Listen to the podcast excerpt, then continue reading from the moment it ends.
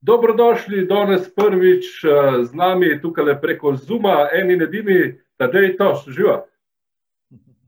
Eni in edini si rekel. ja, poznaš še kaj, da je to še? Hvala za lepo napoved. Mislim, da je. Ponavadi začnem naštevati, uh, še enih so bili dvakrat v improvi, da so z impro, ne? Enih so dvakrat bili na odri, da so igravci, ampak stari moj, ti imaš eh, zelo, zelo pestro zgodovino. Ne? Če bi pri tebi naštel, bila je ena ura hitnim. no, evo, tako nam je več časa ostalo za pogovor. E, bravo, bravo, bravo.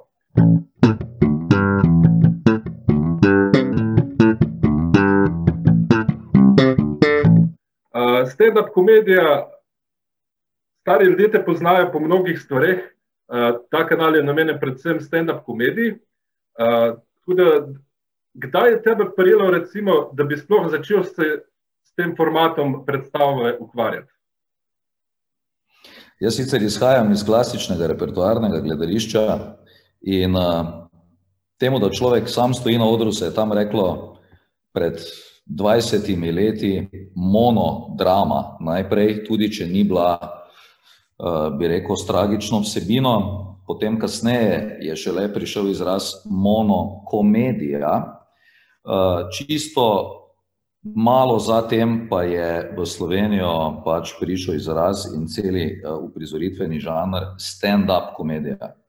Mene je v gledališču že zmeraj zanimalo, kako bi bilo, če bi na odru stal sam, ne z ekipo in zgodbo, temveč z nekim improviziranim materialom, ki bi ga lahko sproti tudi oblikoval, glede na pač odzive in potrebe občinstva. To v klasičnem repertoarnem teatru ni možno.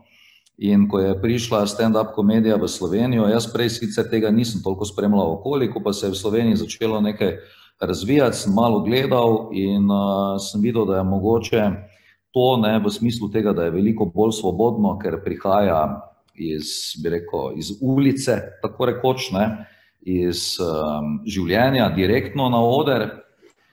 Uh, sem začel gledati, kaj bi to lahko bilo, in moj prvi korak uh, v spogledovanju s to temo je bila predstava Stand-up Hamlet, kjer sem se z besedo stand-up uh, obračal v novi žanr, z besedo Hamlet pa sem se držal še pač, bi rekel, svetovne dramatike in najbolj gledališke igre vseh časov. In tako se je začelo, to je bilo, mislim, da nekje leta 2007. A, 2007, super. Tukaj si rekel, improviziran material, da te grabu. Zdaj ta tvoja forma je zelo improvizirana, ampak stand-up kot tak ne, je pa ponavadi bolj napisan. A si ti na svojem začetku imel bolj strukturirano, ali si že takoj začel z improvizacijo in s to četrto pred, predorom četrte stene?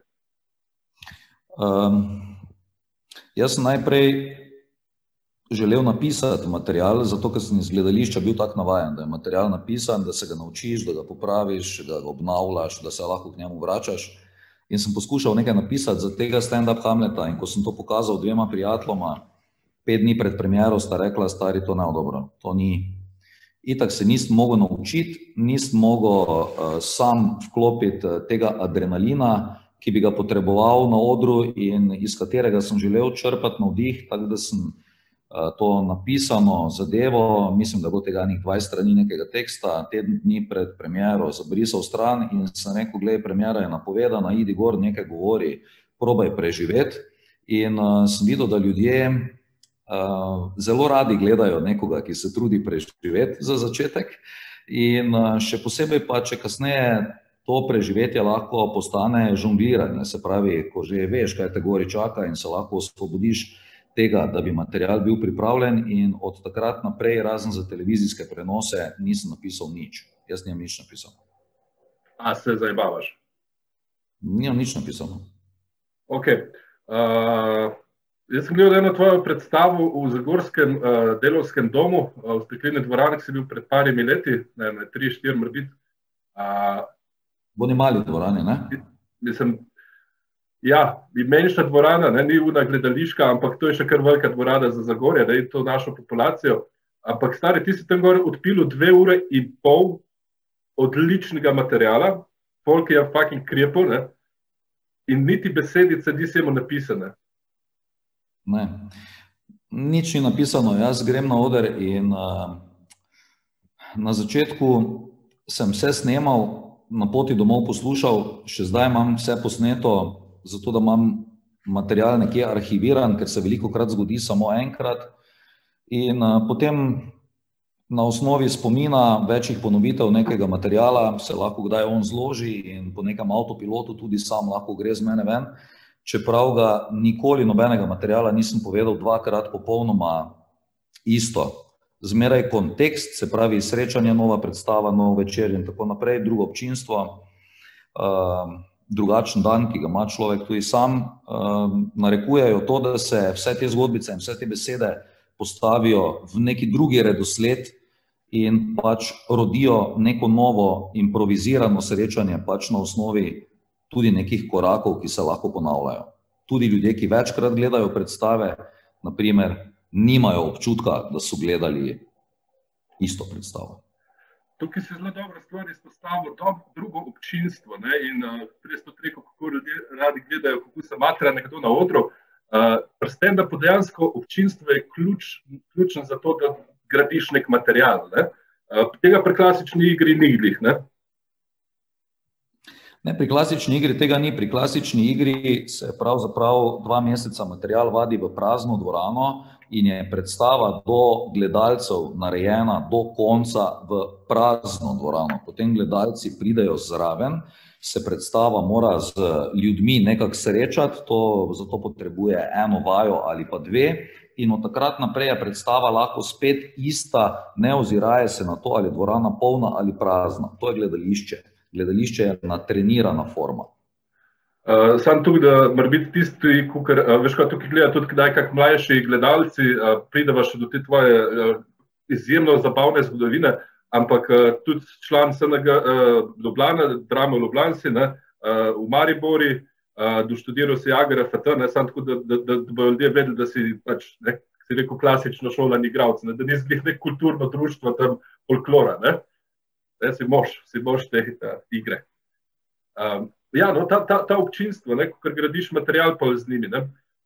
Kako pa je za tebe bilo delati zdaj, si grih stand-up uh, delo, lockdown clown, ne? pa nimaš publike pred sabo. To je zelo zanimiva izkušnja tega trenutka. Ne? Namreč spomladi se je zgodilo, da smo se ustavili za dva meseca, pa smo imeli naravo in smo se veselili poletja, ko se bo vse sprostilo, in smo tudi zunaj lahko delali čez poletje in tako naprej. Zdaj pa se je narava umaknila vase, barve so zginile, hladno je postalo, tema je prevzela uh, oblast nad svetlobo. In uh, vemo, da bomo šele pravzaprav, verjetno proti koncu naslednje pomladi, lahko nekako prišli do ljudi. Zdaj čakati tako dolgo, prvič ne moremo, drugič pa tudi zakaj bi nima smisla, ker ne čakamo samo mi, čaka tudi občinstvo. In uh, v Narodnem domu, ko so imeli idejo, da bi mi to poskušali nekako streamati, najprej rekel, da ne vidim možnosti, ker sem prej naredil en, kako bi rekel, zelo uh, šolski nastop na Zoomu, kjer so bila pričakovanja občinstva popolnoma drugačna od tega, kar se je zgodilo. In sem videl, da to ne gre tako in da mora biti nekaj drugega. In sem pripravil material, tokrat je bilo večji del tudi napisano, zaradi tega, da sem lahko imel neko kontrolo, tako kot naprimer za televizijo, da ti čas ne pobegne. In zato, da imaš sploh kaj zagovoriti za začetek, potem pa se misli že odprejo. In ko so oni objavili ta dogodek, smo videli, da je interes občinstva velik in da pravzaprav ne gre v tem trenutku za to, da bi lahko mi s svojim programom uh, ljudem dejansko uh, dali tudi rezultat, ampak da v tem času teme, ko vsi čakamo pomlad, en drugemu podajamo roko in gledalci vidijo, da se mi trudimo v prazne dvorane, kjer naše delo ni enako, kakor v polni, mi pa uh, pač zaupamo ljudem, da bojo vedeli, da jim bomo lahko več in vse dali takrat, ko se bomo srečali v živo, ampak da nam vsem nekaj pomeni, da se vidimo vsaj v takih okoliščinah in en drugemu na ta način dajemo občutek in še pokažemo, da smo tu, da smo enotni, da smo skupaj, da nas zanima, da smo pozitivni, da iščemo pot skozi to temo, ne pa da smo se samo vlegli na kavč, pa gledamo televizijo, kakor je rekel premijer, da bi bilo treba narediti. Ne. Dobro, pustimo ti naše buksle, ne premahraje, še sami ne vejo, kaj bi samo, kaj, bi, kaj, kaj ćemo še le mi pa govoriti. Uh, in tukaj recimo to, to energijo, ko kar daješ ljudem, ne, uh, pogovarjam se tudi s kolegi iz Maribora in, uh, in David Gorinški, recimo, ki ima te tec stoke pa avtomigece, ko dela, uh, pa recimo René Folker mi je tudi rekel, da se ful pomaga. V bistvu ti tudi ful pomagaš rad s tem, uh, s bolj svežim komikom, ne, komikom nove generacije, ne. Uh, A te zanima, kaj počnejo, ali to delaš sam iz nekega altruizma? Prvič, eh, nimam zelo veliko časa, da bi spremljal delo mladih kolegov. Eh, vsake toliko se zgodi, da kaj kratkega vidim in si lahko hitro ustvarim pač vtis, kakršnega si ustvarim. Po drugi strani ne gledam veliko tega, kar počnejo kolegi, predvsem zaradi tega, ker če bi bilo to zelo dobro, bi se tega težko rešil iz svoje glave. Eh, in pač nekako poskušam ostati eh, pri materialu s svojimi mislimi in svojim pogledom, ker ko ti enkrat vidiš, da je nekdo zelo dobro pogledal na nek material, ti ne moreš drugače pogledati na to. Enostavno ne gre, vsaj jaz ne morem, zato rajši ne vidim. Eh, in čujem, da je, naprimer, čujem pa, da je dobro, ali pa da gledam en drug material, ki se ga, naprimer, jaz ne lotevam. Zdaj pa pri mlajših kolegih pa je to tako, kakor bi tudi bilo v gledališču in povsod, mi smo pač že neko pot imamo za sabo, neke izkušnje, neko znanje imamo, in uh, v vsakem primeru se mi zdi uh, popolnoma normalno in človeško in kolegijalno podeliti kakšne nasvete in mnenja z mladimi kolegi, ki šele stopajo na to pot, ne, in zato, ker nam tega nihče ni mogel povedati. Ne. Jaz sem se vse moral naučiti sam. Ne. Je pa res, da na koncu, če si sam na odru, se tudi vsega na koncu moraš naučiti sam, ker so izkušnje tiste, ki štejejo. Ne? A, pa si kdaj stopil v kontakt, recimo, vem, takrat. Leta 2000, uh, Šimek je bil, ne, uh, se pravi, Jakaš Raufenciger, ko je molik še v Jugoslaviji, uh, pa tudi nekaj se je bilo že po Sloveniji, Kubal, recimo, vem, da je že tudi nekaj delo s komedijo. Uh, si kaj vprašal druge, ali pač teh na svetu ni bilo za dobiti pri nas sploh. Eh, če bi spraševal v gledališkem svetu, potem bi se do teh nasvetov dalo priti, ampak eh, ti nasveti bi tudi prihajali iz gledališkega sveta. Takrat, ko smo pa, ko sem jaz šel iz gledališča ven, ti teh nasvetov nihče ni mogel dati. Kolegi na terenu, mladi fanti, ki so takrat si tudi utirali pot iz drugih, bi rekel, pozicij, smo mi šli proti istemu odru, so imeli drugačne izkušnje. Vsak je imel svojo štartno pozicijo nekje drugje. In uh, je pa tudi res, ne, da uh, je takrat, ko sem jaz krenil ven, me je enostavno vsak večer znova zanimalo, kak material popraviti, kak iti drugačno oder, kak energijo uh, vzeti, kak jo zadržati, kak se ne preveč utruditi, kako ohranjati svežino. In na začetku je bilo zelo veliko, zelo, zelo veliko um, fizičnega tu. No. Jaz sem bil, ne vem, prvih par let po predstavi moker, ne, naprimer, čist, premočen. Se pravi, je moje telo tudi proizvajalo temperaturo, zato da bi se lahko to zgodilo. Ne. Z leti, z izkušnjami, pa se pač nekako naučiš to energijo usmeriti drugače, da ni zdaj odvisna od. Uh, izključno od temperature telesa. Ne. Mislim, da ne grem več moker zotra. No. Čeprav fizično si kar aktiven, ti na odri, si delo sklice, vse živo. Ne? Rad sem aktiven, rad sem razgiban. Uh, menim tudi, da je uh, velik del uh, mojega dela na odru fizična komedija, česar sam stand-up ne vsebuje veliko, če ga gledaš klasični stand-up okoli. Zaradi tega, ker je ker je toliko dela s tem, da misel razdelaš in pač ta uh, prispevek, s katerim se ukvarjaš, da je telo šele nekje v drugi ali pa v tretji vrsti. V gledališču pa že telo od začetka hodi s tekstom istočasno in v bistvu iščeš telesno izraznost, hkrati z besedno izraznostjo. Ne?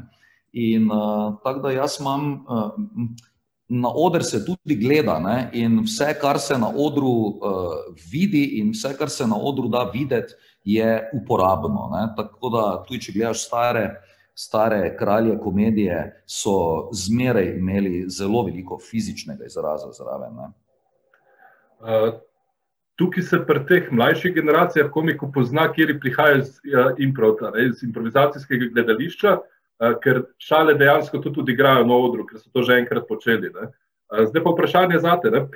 Ok, to moraš še povedati, če kjer slučajno ne ve. Uh, fulkrat si vodil tako, skoraj desetkrat že Bob leta, ne, če ne še večkrat. Uh, sedemkrat, odlično. Uh, Viktorja, ne, to so bili slovenski Oskari nekoč dvakrat in uh, preč, podelitev uh, podelitev nagrad preširnega sklada in pač to uh, imamo 7. februarja vsako leto, ne, tudi to si vodil v Ljubljani, ne, vsaka čas stari, končno te Ljubljana prepoznala, ne, to, to se bo še pol imela. Ampak ko je šlo s adrenalinom, stop na nekaj, ker boš veš, da boš sneman, ali je gor z enim materialom, ko ne veš, nič tako žlovar. Najrajši grem na oder, če ne vem nič, kaj bom govoril. Ta grem najrajši zaradi tega, ker uh, pač uh, moj nastop in pristop bazira na tem, da ima vsako srečanje svoj začetek, svoje zbliževanje, svojo srednjo vročo fazo, svoje počasno ohlajevanje in uh, korake proti slovesu in na koncu tudi slovo. In dramaturška linija moja gre iz tega, da ni nič, proti vrhuncu, in potem se počasi spusti do tega, da mi gremo domov. Na začetku sem mislil, da je treba začeti zelo visoko, z nekimi džingli, z nekim bliskanjem, z eksplozijami, skakanjem, dretjem, z energijo, z ne vem kaj vse, in seveda je to tudi ljudem takrat pomagalo, ker se je tudi občinstvo z nami v desetih letih razvilo in naučilo. Ne samo mi, tudi oni znajo to drugače gledati, ker pred 12 leti ljudje niso vedeli, kaj gledajo, danes pa živejo. Ne? Se pravi, tudi oni so se učili. Zdaj pa najrajši začnem iz čiste tišine, pa tudi v čisto tišino, najrajši predstavo na koncu, lepo sfejdam ven, ker potem smo mirni. Kajti na začetku sem tudi končeval na gor. Ne. Na koncu pa še nekaj, kaj je zdaj treba stisniti, preden mi gremo domov. In s časom, z izkušnjami, tako se človek spremenja, pa tako se svet spremenja, se spremenja tudi ta neka dramaturška linija. Ne. ne vem, kaj ste jaz odgovoril za eno tvoje vprašanje. Odgovoril si eh, še mnogo več, ne, še mnogo več in sledi kar naslednje vprašanje. Uh, tukaj, ko si se začel, uh, si se, je v bistvu inherentno to, da prepoznaš gibanje ljudi, Ali si slučajno kaj črpal iz komedije Delarte? Eh, direktno iz komedije Delarte, ne, ampak sem pa, posled, eh, sem pa posredno črpal iz tega, da je mene v gledališču že zanimalo, kdaj se je v gledališču, kot pač svetu, nekem gledališče je svet za sebe, eno celo vesolje, ima tudi svojo boginjo, Talijo, ki je v vseh verskih vojnah skozi tisoč stoletja in tisočletja preživela in obstala, tudi takrat, ko so bili bogovi druge prepovedani, je boginja Talija vedno bila, gledališče je vedno bilo. To je en svet. In ta svet se je skozi zgodovino razvijal na različne načine, in mene je zanimalo, kdaj in zakaj in kak in kje je prišlo do tega, da je nekdo rekel: Gremo se mi improvizirano, gremo se telesno izrazno, zakaj so zakaj je eh, delo komedijanta pravzaprav to, da je non-stop na terenu, da je v gibanju, kaj je to za ljudi pomenilo, da so vsak dan spakirali in kot neki cirkus šli nekam drugam, da je tudi to del komedije, ne? tragedija ne rabi vsak dan drugam hoditi, tragedija je lahko tam, kjer je, ne? ker je pač tragedija, komedija pa ima v sebi gibanje. Zanimalo me je, kdaj se je začelo razvijati to sejemsko gledališče, kjer so bili prvi prodajniki in PR-ovci na razno raznih sejmih v srednjem veku in v renesansi. V renesansi so bili ljudje, ki so bili prodajniki na sejmu, tako na tržnici danes, ne, kot naprimer na Speaker's Cornerju v Londonu, kjer sem tudi bil, ker me je zanimalo, kako to zanima biti med stotimi ljudmi, ki se derajo istočasno vsak svojo stvar, kaj to pomeni ne. in uh, kako se je to razvijalo, kam je šlo, ampak nekih tehničnih podatkov o, o, o tem, kako se je to delalo, kaj so bile vsebine, kaj so bili tehnični pristopi, tega nimam. Me pa je zanimalo, ampak enostavno imam občutek, da je en taki solo-odrski nastop lahko en celi svet, kot gledališče. Ljudje lahko vidijo barve, lahko vidijo slike, lahko vohajo, lahko imajo občutek, da so nekje drugje, lahko slišijo zvoke, ki jih ni. Se pravi, ustvari se lahko en celi svet in to je gledališče, ne? da stik dveh ljudi ali pa igralca z občinstvom ali pa pač predstave lahko v nekem prostoru ustvari en nad svet, ne? v katerem se mi družimo. Mene to zanima. Odlično. Jaz sem zakompliciral zdaj. Nisi, nisi, nisi, super si povedal.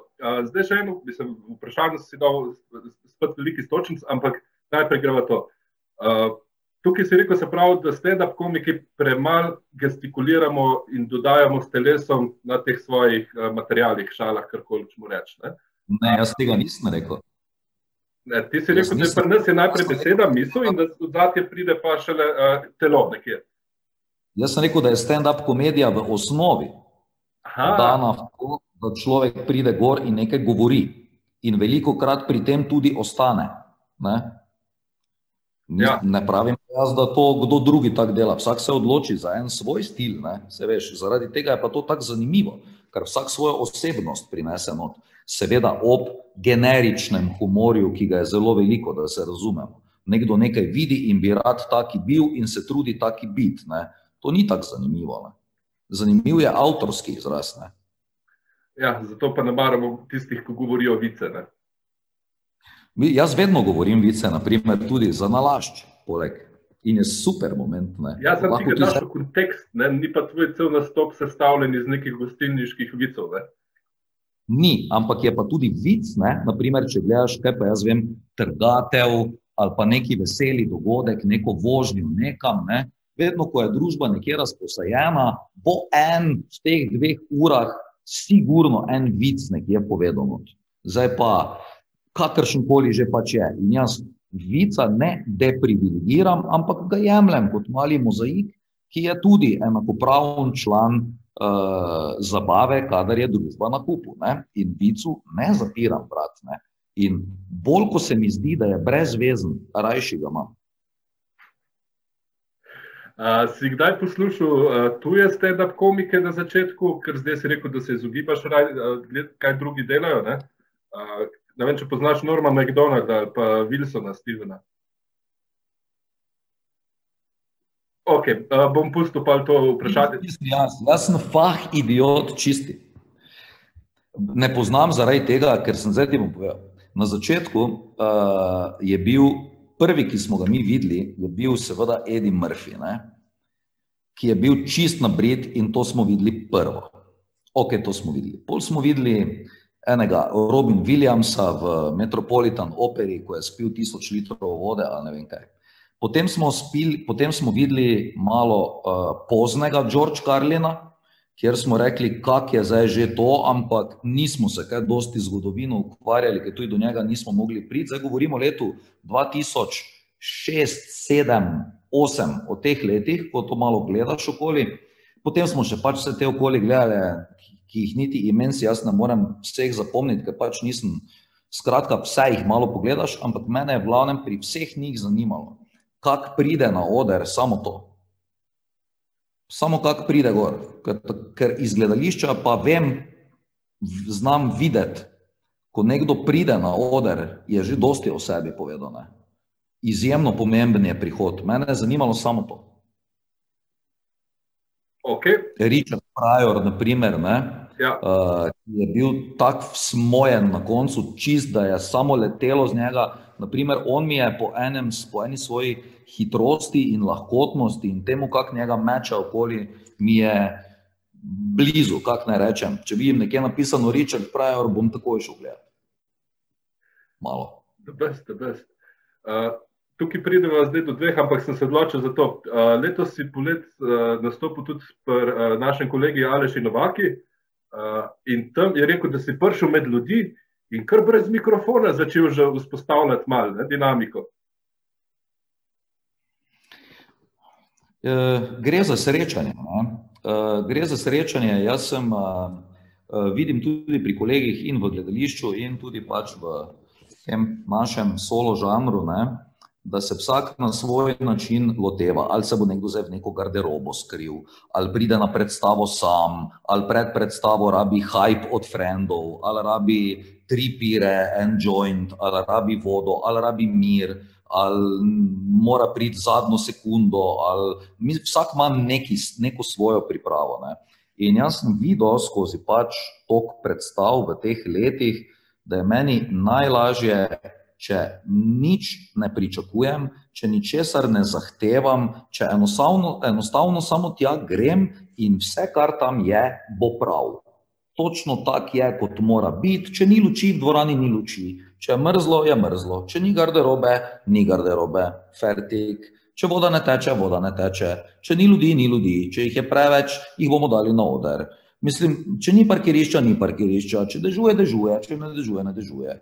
Fertik, če ni vode, ni vode, če je, je. Skratka, sprejemaš trenutek točno taki, kot je, predvsem zaradi tega, ker jaz za sebe mislim, da takrat jaz tudi sprejemam enak trenutek, kot ga ima občinstvo. Mi smo na vse zadnje eno, ne morem jaz biti eno, oni pa nekaj drugega. Jaz imam dežnik, če dežuje, oni pa nimajo dežnika. Jaz lahko sedim v garderobi, oni pa ne morejo sedeti v garderobi. Jaz imam zapit, oni so pa žejni. Ne, ne, ne, vse isto, vsi žejni, vsi pijemo, vsi mokri, mi smo vsi eno, zaradi tega, ker gre za to, da se ta ekipa pravzaprav poveže. Moj princip uh, dela na odru uh, išče povezanost ljudi, energetsko, veliko bolj, kakor bi rekel, tehnično, racionalno, na osnovi tega, tega kako dobro, kako dobro zgodbico sem si jaz uspel zmisliti ali napisati. Veliko krat se mi je zgodilo, ko sem šel domov, da sem poslušal posnetek, da niti podrazno nisem mogel, pa sem jaz to govoril, nisem mogel predvideti, kaj bo ta tip, ki ga zdaj poslušam v slušalkah, ko se peljem domov, kaj bo on naslednje rekel.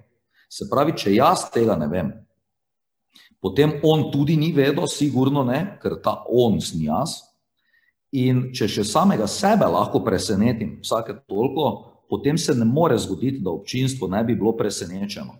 In eno to presenečenje in to, kam se lahko nekaj zapelje, brez da bi si kdo nekaj predstavljal, to je eden od čarov komedije za me. Naprimer, ne? To, da ne vem, kam gre.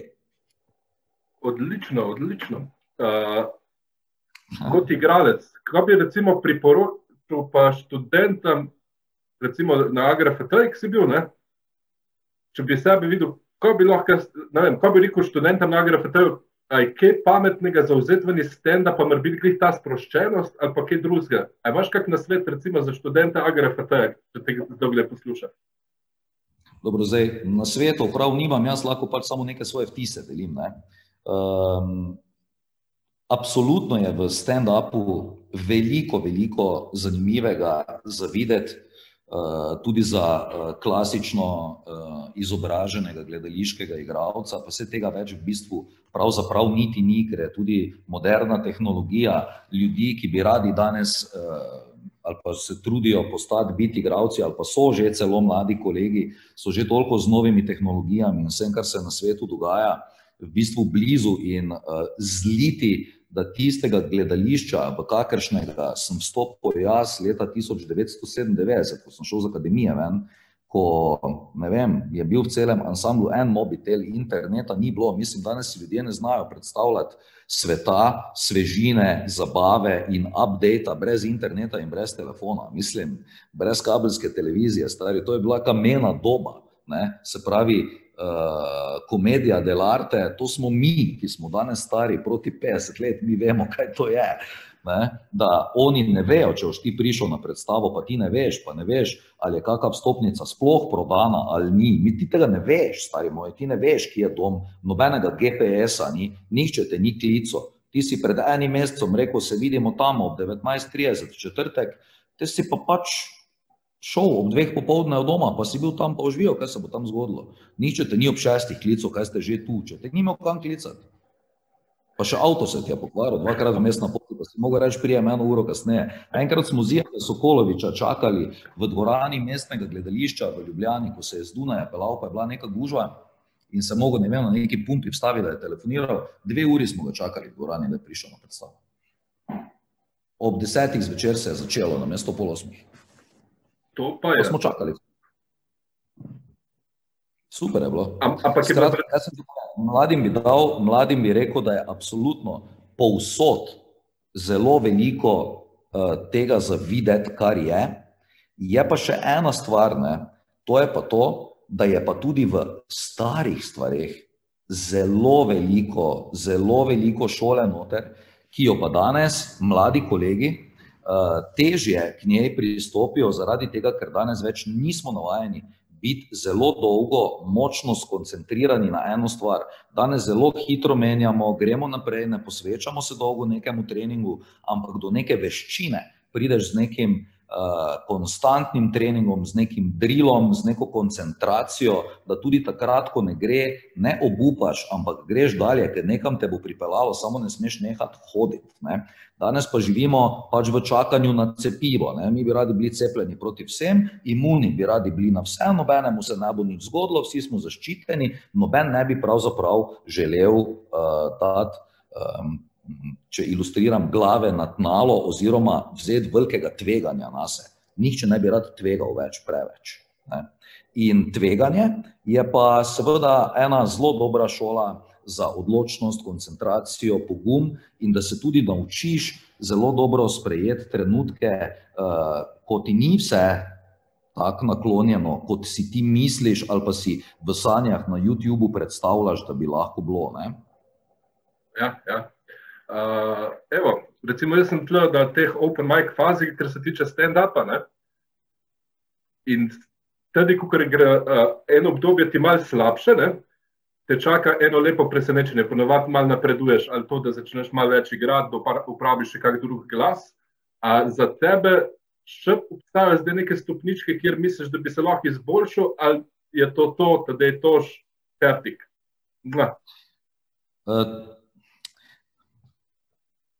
Ker že toliko časa to delam, je občinstvo Tadeja Toša nekako spoznalo in za občinstvo je Tadej Toš, Tadej Toš tudi to, da se on malo spreminja, pa da včasih meglo brcne, pa jaz ne rečem, da ne, zaradi tega, ker moraš meglo brcniti, zato da vidiš, kak je lepo, ko žogo zadeneš tudi, ne.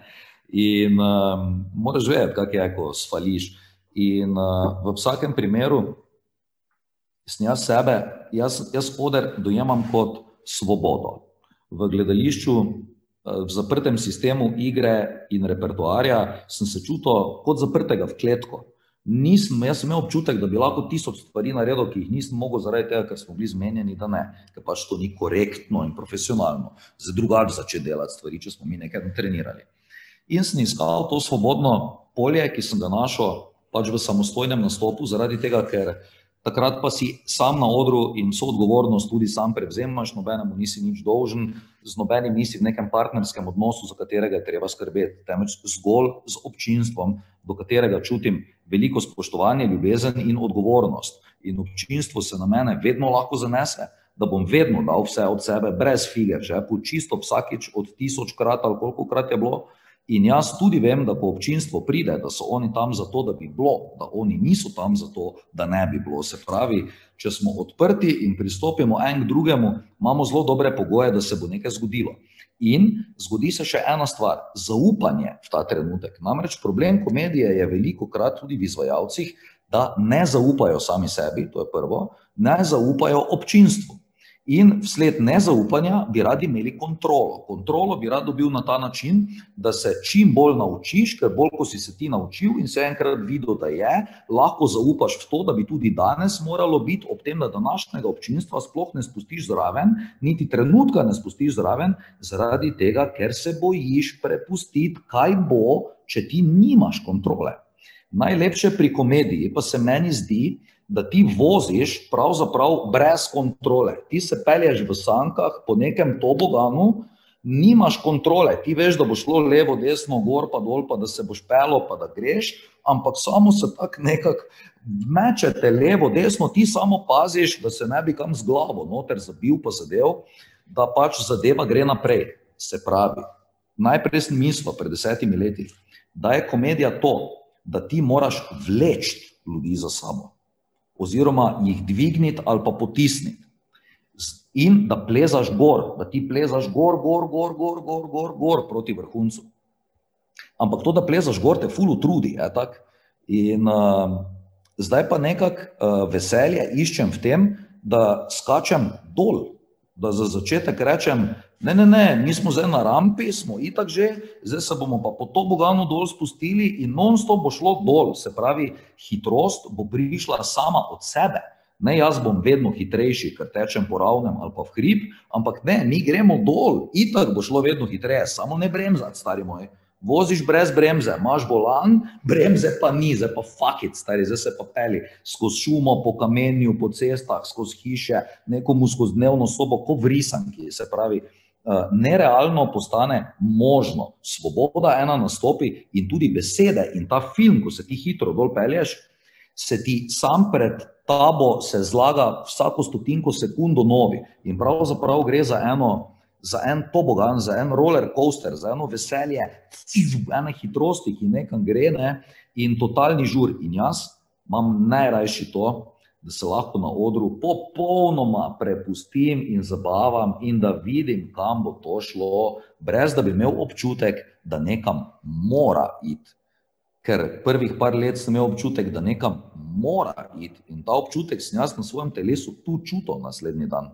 Moje telo je bilo naslednji dan utrujeno in zlomljeno. In sem rekel, pa ne more moje delo biti tako, da jaz grem med ljudi, pa da se mi imamo dobro, pa da se imamo vredi, jaz pa sem naslednji dan taki, kot da me je kombajn povozil, stari. To ne more tako biti. Jaz se moram naslednje jutro zbuditi kot rožica, če sem se včeraj imel super. Se pravi, ki je oni ključ, ne? in potem sem začel pač pri sebi, se vsak po svoje to melje, ne vem, če to komu sploh še zanimivo, če še to kdo gleda. Eh, začel iskati, kje je, kje je moja pot. Kje je moja pot? Moja pot ni, da imam puls, preden grem na oder 140 ali pa 200, moja najboljši puls, preden grem na oder, je 80.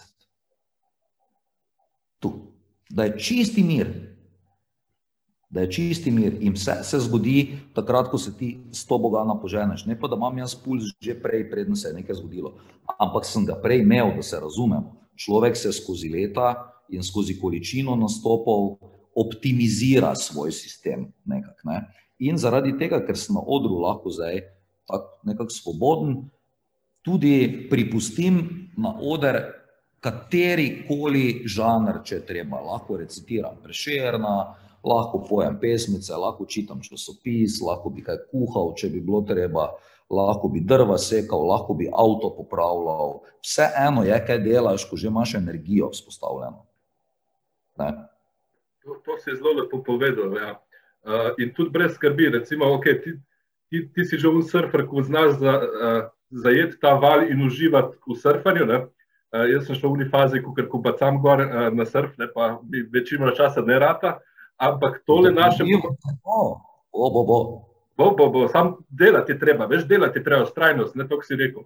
Uh, drugače to gledajo tudi naši kolegi, komiki, ki so že kar izkušali no? in tudi pušajo pol vesele komentarje, uh, tako da te, te ne skrbi, ker več si zanimiv človek.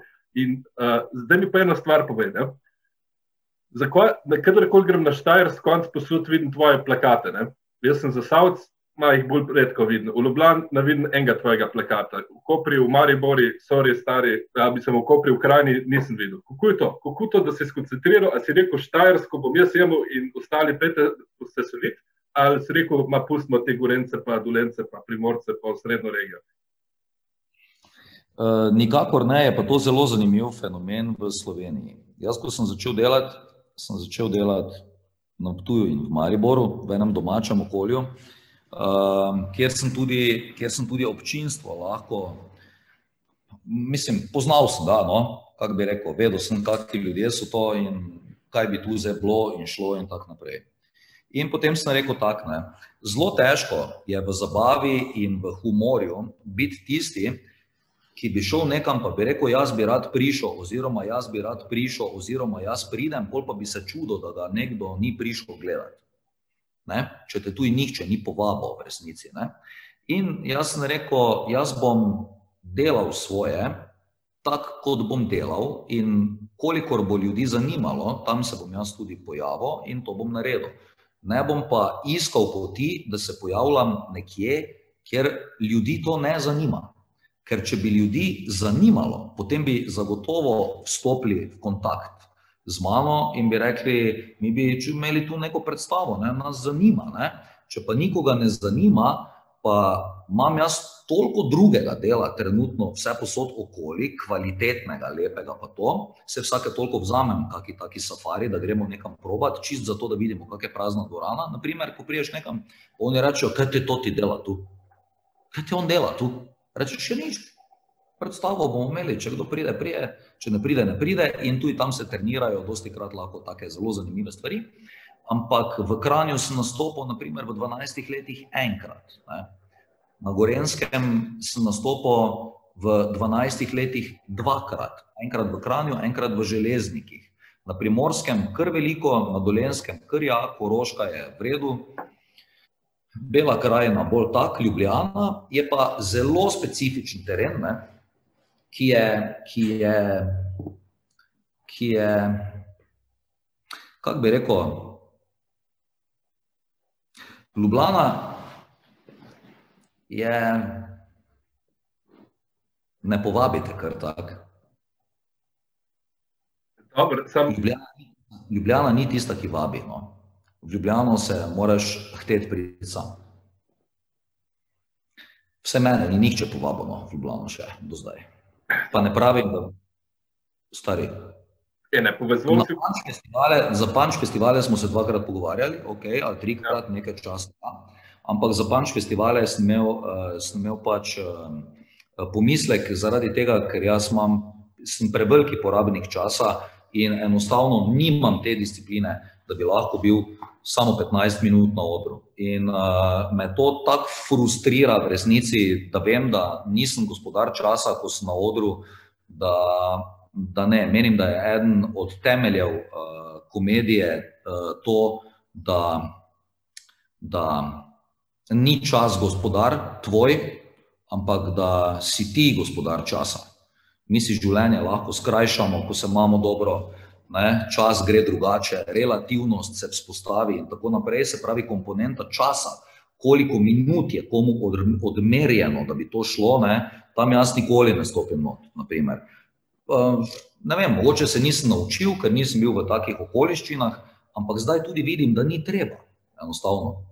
Um, sicer pa je tako, enkrat je bilo, ne vem, v 50-letnici Hale Tivoli, Takrat, eh, ko to je bilo malo po televiziji, eh, sem najel dvorano, sem najel Halo Tivoli in sem eh, naredil eno predstavo tam. Ne. Zaradi tega, ker me je zanimalo, kako je to, ne, če narediš predstavo o 50. obletnici Hale Tivoli, v Hali Tivoli, ker takrat sta bila že prej um, uh, Valič pa, uh, pa Audič, sta imela. Ne, iz Špas teatra sta imela nekaj not, pa sem to gledal, pa sem bil v to veliki dvorani, pa sem rekel, da vidimo, kako je. In smo nekako no, na tanki nuli smo šli skozi, tako da izkušnjo iz tiste velike dvorane imam, ampak tehnično je bilo v nekem trenutku tako, da smo vsi želeli rast in želeli kazati tudi neko rast in koliko ljudi zdaj tu za nekaj pride po to. Moja izkušnja je, da je optimalno število ljudi za eno izjemno kvalitetno, toplo, nepozabno, uh, direktno povezano predstavo 100 ljudi. 100 ljudi, to je to. Jaz se rajši grem desetkrat po sto, kot enkrat po tisoč. To delaš zato, ker dihaš z ljudmi, ampak se, že sam na Štajerskem koncu imaš najbolj sto kulturnih domov, ker imajo glih to kapaciteto. Ne? Kapaciteta kulturnih domov je, po moji izkušnji v Sloveniji, tu ne, 200 že je kar. Tudi 250, ki ni tako malo, 300 se tudi najdejo, do 400 tudi prelezeš. Manj po 100 takih kulturnih domov pa skoraj da ni v Sloveniji. Tako da 200 je nekje poprečna kapaciteta sedežev. Ne? In uh, to so že dvorane, v katerih se lahko dogajajo čuda, ne? od, od, od feelinga, bom rekel, ne? samo o tem govorim. Ne? A si pa bolj užival, kot si zdaj? Kaj ti misliš, da jaz nič ne delam v Ljubljani? Ne, ne, jaz, to sem ti v bistvu rekel, da delaš ful. Ne, ne mene, Če si rekel, da ni v Hoferju, pa to mene zanima, kako ti z one strani misliš, kako to, da kaj bi bil fenomen, da ne vem, me ni toliko v Ljubljani, kako se to dveni vidi, ker to mene tudi zanima. A ja, ne, a veš, ko greš nekam na, na stop, ne, pač ti open mic, ki so bili po Sloveniji, pač vidiš tam plakate, recimo Tim Vodopilci, imamo predstavo, Perica Paleš, Novak sta imela Slovenci po, vidiš te plakate, da so še izobešeni po plakatnih mestih ali po kulturnih domovih ali kjerkoli so te lokacije, ne, in kol ne vidim, da je to še bil tukaj, ne, tvoje znamke ni nikjer gor. Ja, ni, ne, ne vem, ni. ja, ne, če si bil enkrat v krajini, da je tudi ne bom videl. Ne? Ne, je pa bilo v krajini, takrat, ko sem bil neki bazen, je to tam neki ja, bazen. Ja. No, super je bilo, ne. Vse je bilo črno. Da, ko sem stopil tam noč, sem rekel, kako je te lahko v taki količini črnine komedija doma. Not. Ampak je bila, ne. Se kje druge pa bo, se če vse nekaj lepo, pa rožnato, to, tam ni nič veliko preveč ne, smešnega. Ne vem, stari gled, ne, uh, ker zgodi se to, da naenkrat uh, imamo lahko mi tudi neke predsotke. Ne? In fora je v tem, ne, da, da vsaj jaz tako mislim, da ni, ne, ni predsodek, ni dober. Ne? To je res, to je res. Svoboda ne vsebuje predsotka. Ne? Ta je že kar globaka. Jaz svobodo, do svobode moraš biti zelo odgovoren. Govorim o svobodi na odru. Govorim o svobodi tega, da ko ti stopiš na oder, naprimer, jaz tudi govorim iz gledališča, ne, ti, ti odru, ki je že vse te zgodbe imelo, vse uh, like je videlo, vse kralje Lire, Macbete, Romea, Julijo, vse je to videlo, Mekija, Moža, Brehta, vse je bilo, Ibsen, Cankar, vse so te deske že videle, one so vse to čule, ta dvorana vse to ve, to vse not nekako v njej ostane, recimo ti čutiš energijo prostora, ko nekam stopiš. Ne. In da ko stopiš na oder, da pravzaprav, če je oder dober, in zagovorim metaforično o odru, ki ti lahko da tu stopiš na kaki oder, ki škripa celi, pa se podira, pa vse. Ampak oder kot metafora je kot neka, bi rekel, kot neki oddajnik, kot neka, uh, kot neka sprejemna satelitska antena za to, da si ti lahko tam gor svoboden. Fora tega je to. Ljudje tudi zaradi tega radi grejo v gledališče, ker vidijo novi svet, ker to njih osvobaja tega, kjer so. Se pravi, ključ, ki ga jaz razumem v tem, je definitivno svoboda in ljubezen. Ljubezen, rad med to, kaj delaš, ne da je težko. Ti ne moreš iti narediti dobrega programa, če je tebi to težko. Zato, ker se vidi, da ti je težko človeka, ki mu je težko, ti vidiš, oder je povečevalno steklo, on ne more skriti, da je njemu težko, razen če je že zelo, zelo dober in se lahko odmakne samega sebe od tega, da je njemu težko. To je pa spet magična formula odra. Namreč veliko krat se je zgodilo tudi v gledališču, tako pa jaz vem, um, da te boli glava, tako, da misliš, da boš crkno, pa te po eni minuti predstave, glava v predstavi, neha boleti, in ko greš domov, te glava ne boli, in zjutraj te boli spet naprej. Ali pa da imaš išjas, ne moreš hoditi, komaj te do odra privlečejo, na oder greš, skačeš po eni nogi, domov te pa peljejo z rešilcem. Se pravi, ta adrenalin, ki se zgodi v tem prostoru, tudi na izvajalca vpliva, na njegovo telo in na njegove misli. In zdaj, če je to neka svoboda tega, da je vse v redu, da je v redu, ne da je treba zdaj prepričati nekoga, ki se ga ne da prepričati. Mislim, veš, kakšna izguba energije je to, da se ti trudiš prepričati nekoga, ki ga itak ne moreš prepričati. Zakaj, stari? Da. Ok, tukaj imaš en uh, možnost, mislim, to, je, to je ful dober na svet, ne? ker večkrat v dvorani se zgodi sploh, uh, mislim, jaz to opazim ful, ne vem, kako drugi, ampak recimo, da se ti par ljudi smejijo, en je pa tam s prekrižanimi rokami. Ne? Stari, reči, da glih tega vidiš, kako je prtjap to. Vedno je ta s prekrižanimi rokami. Vedno je in najprej ga tudi gledaš, in najprej ga tudi on tvojo pozornost ali pa mojo privlači. Jaz sem odkril pač v, da imam vedno podobne tipe ljudi v dvorani povsod, kamorkoli prideš, imaš enega takega, enega takega, 20 takih, 30 takih, enega takega, enega takega. In eni posebni tipi ljudi se tudi v dvoranah zmeraj na isto mesto vsedajo. Onega boš vedno videl.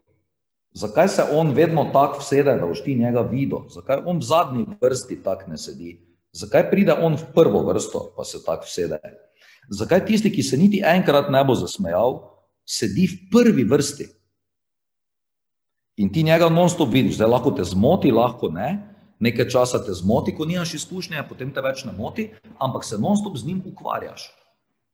In zdaj, če sem tako enega na predstavi, poleti, prva vrsta, pa ko sta prišla v prostor, bi se lahko vsedla kjerkoli. Prva vrsta, prvi človek do mene, dotaknil bi se ga lahko vsako sekundo. Eno uro, nič, nič pa je lepo treskalo po dvorani, okoli vse je bilo tako, mora biti. Samo nič, je mene zdaj ni zmoto. Jaz sem delal prek, ampak sem vmes gledal, kaj je tisto, kaj bo tega človeka zbudilo. In po stari šoli, gledališki, ali pa ne vem, bi rekel, prevzetni energiji nastopajočega, bi rekel, to ti je celo predstavo vničo pred mene, se je vsedel, on je kriv, da predstava ni bila dobra, zakaj tu on sedi, se pravi, vse bi na njega preložil celo negativno energijo. Ampak rečeš, ne, ne, ne, ne, ne, ne, ne. mogoče je on gluh, to je prvo, lahko bi bil. Ampak ti tega ne veš, stari moj, on sedi in te gleda, poleg hoče biti, ti ne veš. Ne moreš najprej biti slabe volje, če se on ne smeji, dokler ti ne veš, če je on mogoče gluh.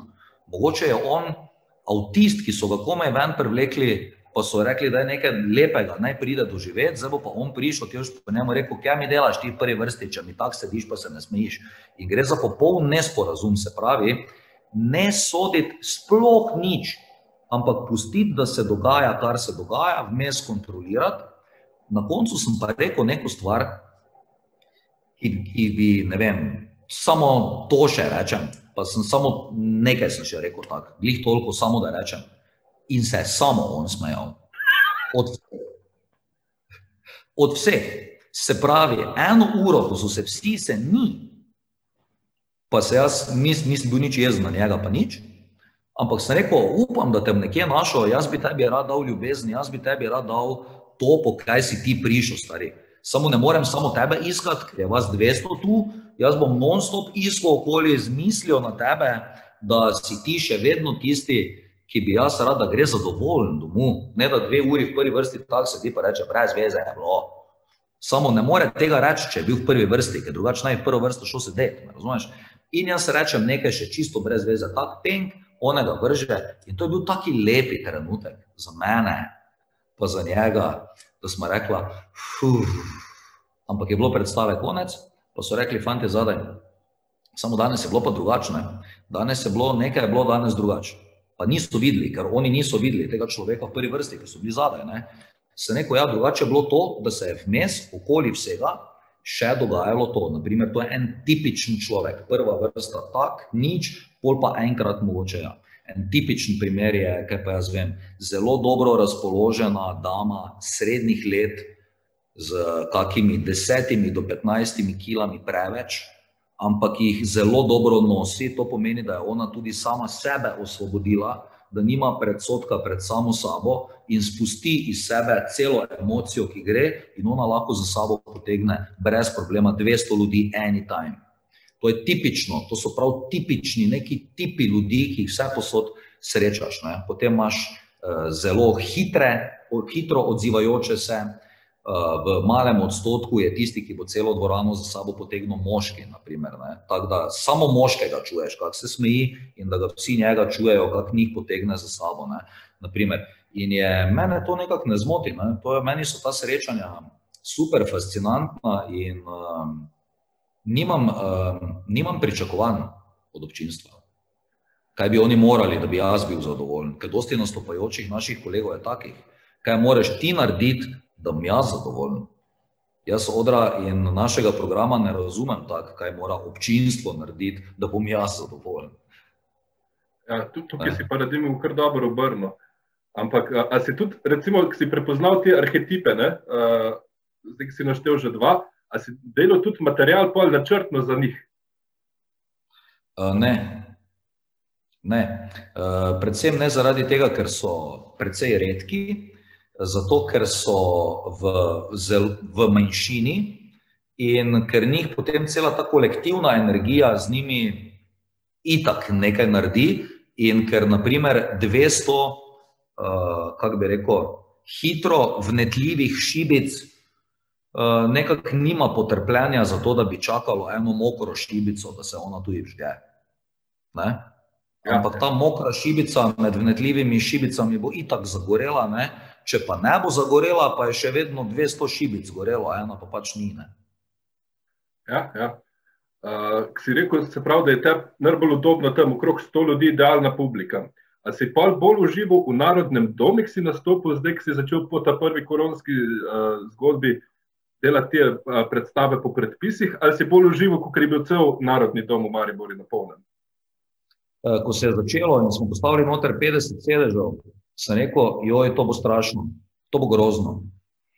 Zato, ker smo mi bili navajeni na to, da je v dvorani veliko sedežev in da je na teh sedežih tudi veliko ljudi. Mi smo bili na to navajeni.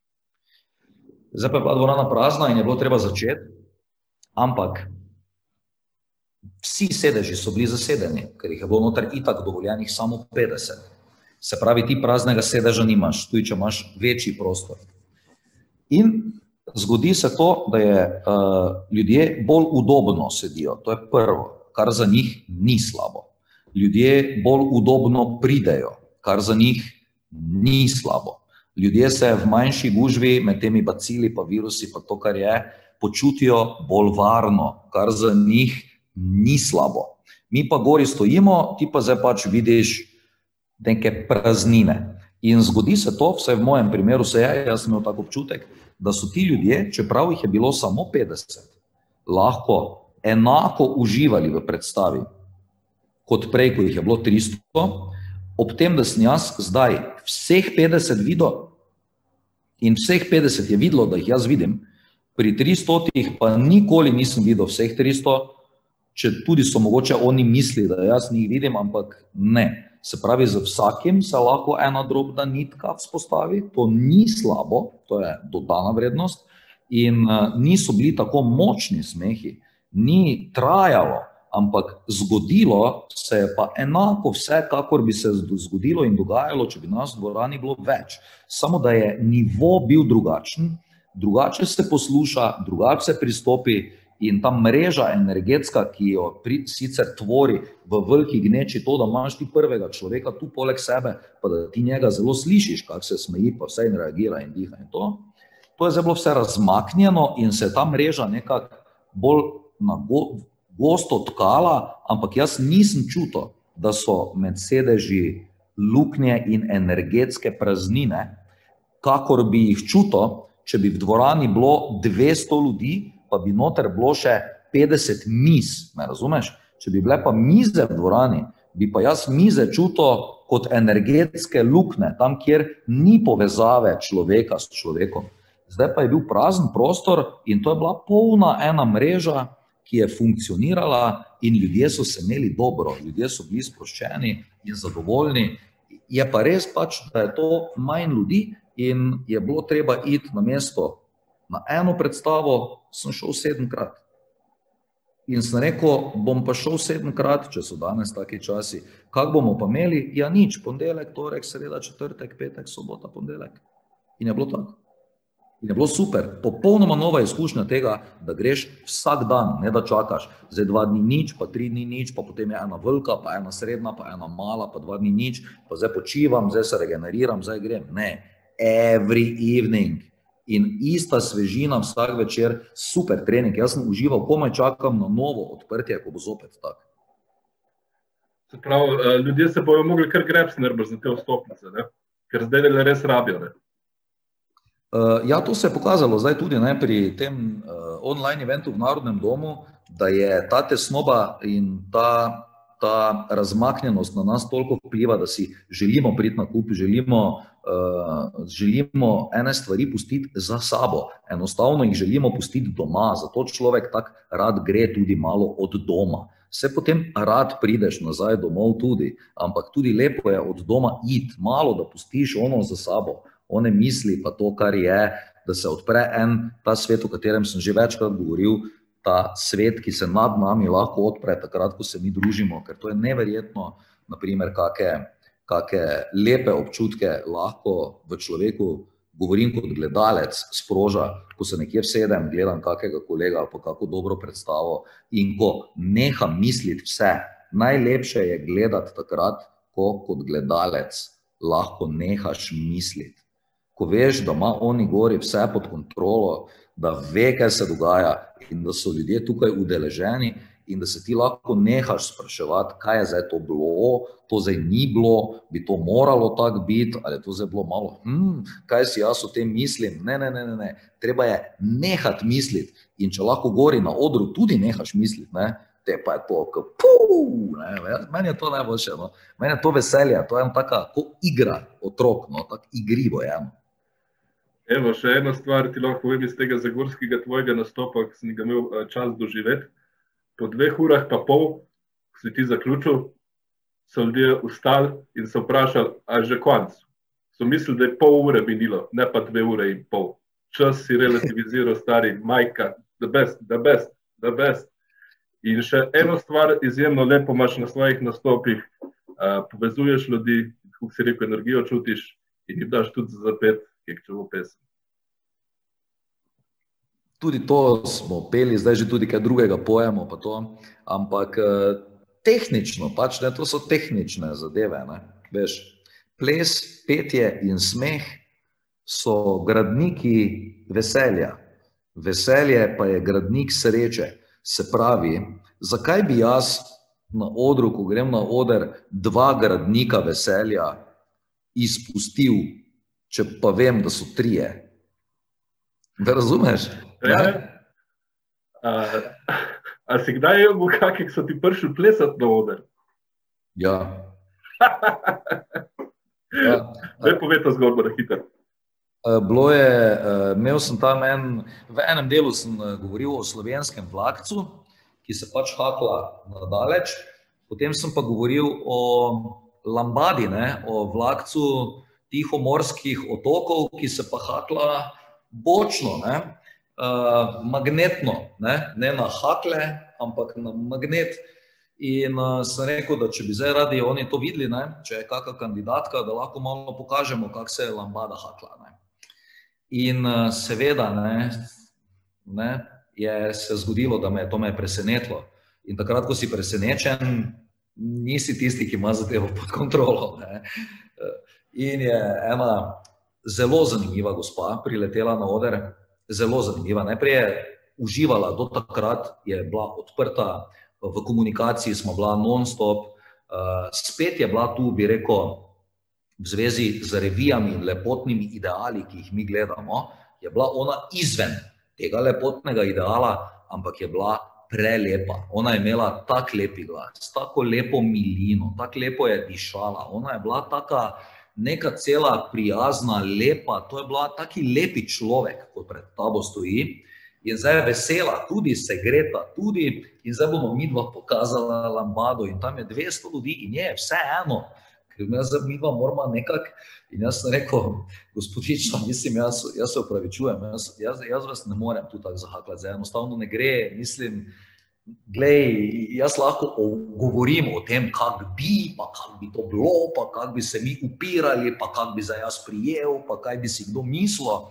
Samo zdaj, ko smo pa tu gorne, pa lahko naredim samo eno drugo stvar, ne, ki nima zveze s tolom vlado, ker mi smo se zdaj srečali v enem drugem trenutku, to mi dva oba vemo, ki tu gori zdaj stojimo, da je to nekaj drugega kot lambada. Tako da, če dovolite, samo pristopov in če se lahko objamemo na kratko, samo čist lepo, toplo, da se stisnemo, da začutimo toplino en drugega, ne da tu zdaj delamo neki program, ker smo se že dve uri tako lepo imeli, da se je moralo zgoditi to, da se še dotaknemo na koncu, preden gremo domov, nekaj brez da bi si kdo kaj mislil, slabega ali ne lepega.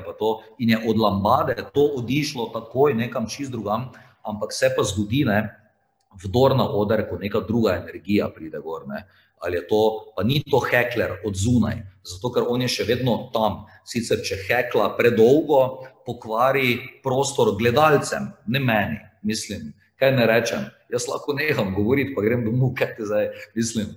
Ne? Ampak ljudje, ki so prišli zaradi programa, imajo zdaj problem, stari je zato, ker ti heklaš. Jaz nimam problema. Tako da zmenite se vi doli, ne? ali kaj bote. Da jaz tu gori nimam problema, lahko sem jaz tu imenjamo pol ali kakorkoli vse. Tako da hekler ni taka stvar, ko nekdo postopi na oder, gor. to se pa redko zgodi, ne? ker tam pa res pride druga energija in se celi ta energetski prostor se, se spremeni in ti postaneš partner z nekom. Ti več nisi sam, ti postaneš obziren, iščeš kompromis, iščeš skupno pot, ob tem, da niti v trenutku ne veš, kaj oni drugi človek misli. Ti ne veš. Ti ne veš, on samo stoji pa te gleda, on si lahko misli, lahko nič, lahko marsikaj, lahko se bo odzval, lahko se ne bo odzval, tako da najboljše, če ga ni. Ne? Ampak je bilo super. Ne? Lepe stvari se zgodijo tako na poti, veš, se uživijo, ko boš pisal knjigo spominov svojih, boš videl, se bo tega nabralo, ne? res veliko. Še posebej pa je lepo to, da vidiš, koliko ljudem pomeni to, da so bili nekje zraven, kjer se jim je nekaj lepega zgodilo, pa je bilo toplo, pa jim to daje upanje skozi ne vem, najlepe usode v življenju, da jih to lahko pozdravi, pomaga jim na poti do čakanja, do transplantacije srca, pa take zadeve. To so, to so stvari, ki so pošteno, energetsko, optimistično. Uh, močne na osnovi naklonjenosti, odprtosti, poguma, sprejemanja in ljubezni in upoštevanja drug drugega. Ne. In tu je komedija tako močna, zato ker ona lahko upošteva tudi nekaj, česar družba ne more. Komedija lahko upošteva vrste v krematorijih. Komedija lahko reče, za mene je to absolutno upoštevanja vredna tema in temu bomo zdaj posvetili 15 minut. In če se temu posvetiš pošteno, ne, uf, kaj sem si jaz mislil, ampak pošteno, se bodo tudi 85 let stari ljudje, ki v dvorani sedijo, temu smejali, pa so prvi vrsti, ki grejo tja, tehnično gledano. Zato, ker je pošteno, ker je to življenje. Komedija je svetloba, veselje, vedrina, ljubezen, življenje. In meni je vse to super, zato sem takrat na odru, pač razvijam neki svoj sistem in tudi vsem mladim kolegom, želim na poti iskanja samih sebe in svojega izraza in kaj je njihovo sporočilo gledalcem, ker vsaka predstava ima neko sporočilo.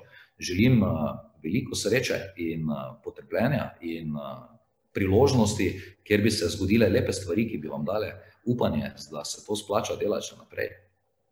O, kako si lepo to povedal. Res, uh, Tadej, toš, najlepša ti hvala za tole danes. Uh, da mi sam pove, uh, če te ljudje hočejo najti, ponavadi rečem, uh, za mlajše komike, naštejem vse Facebooke, page, kar koli imajo. Ne? Ampak ti si izkušen komik, ampak tebe očitno treba tudi povedati, nekaj te najdejo, sploh oni zgorenski, očitno. uh, veš, kaj jaz mislim, da se vse zgodi ob pravem času.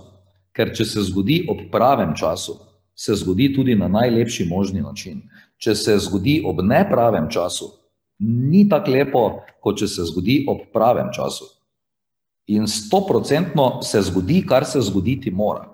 Ne? Je pa res, da smo Slovenci kar razdrobljeni. Ne? To so združene občine Slovenije, smo mi. Ja.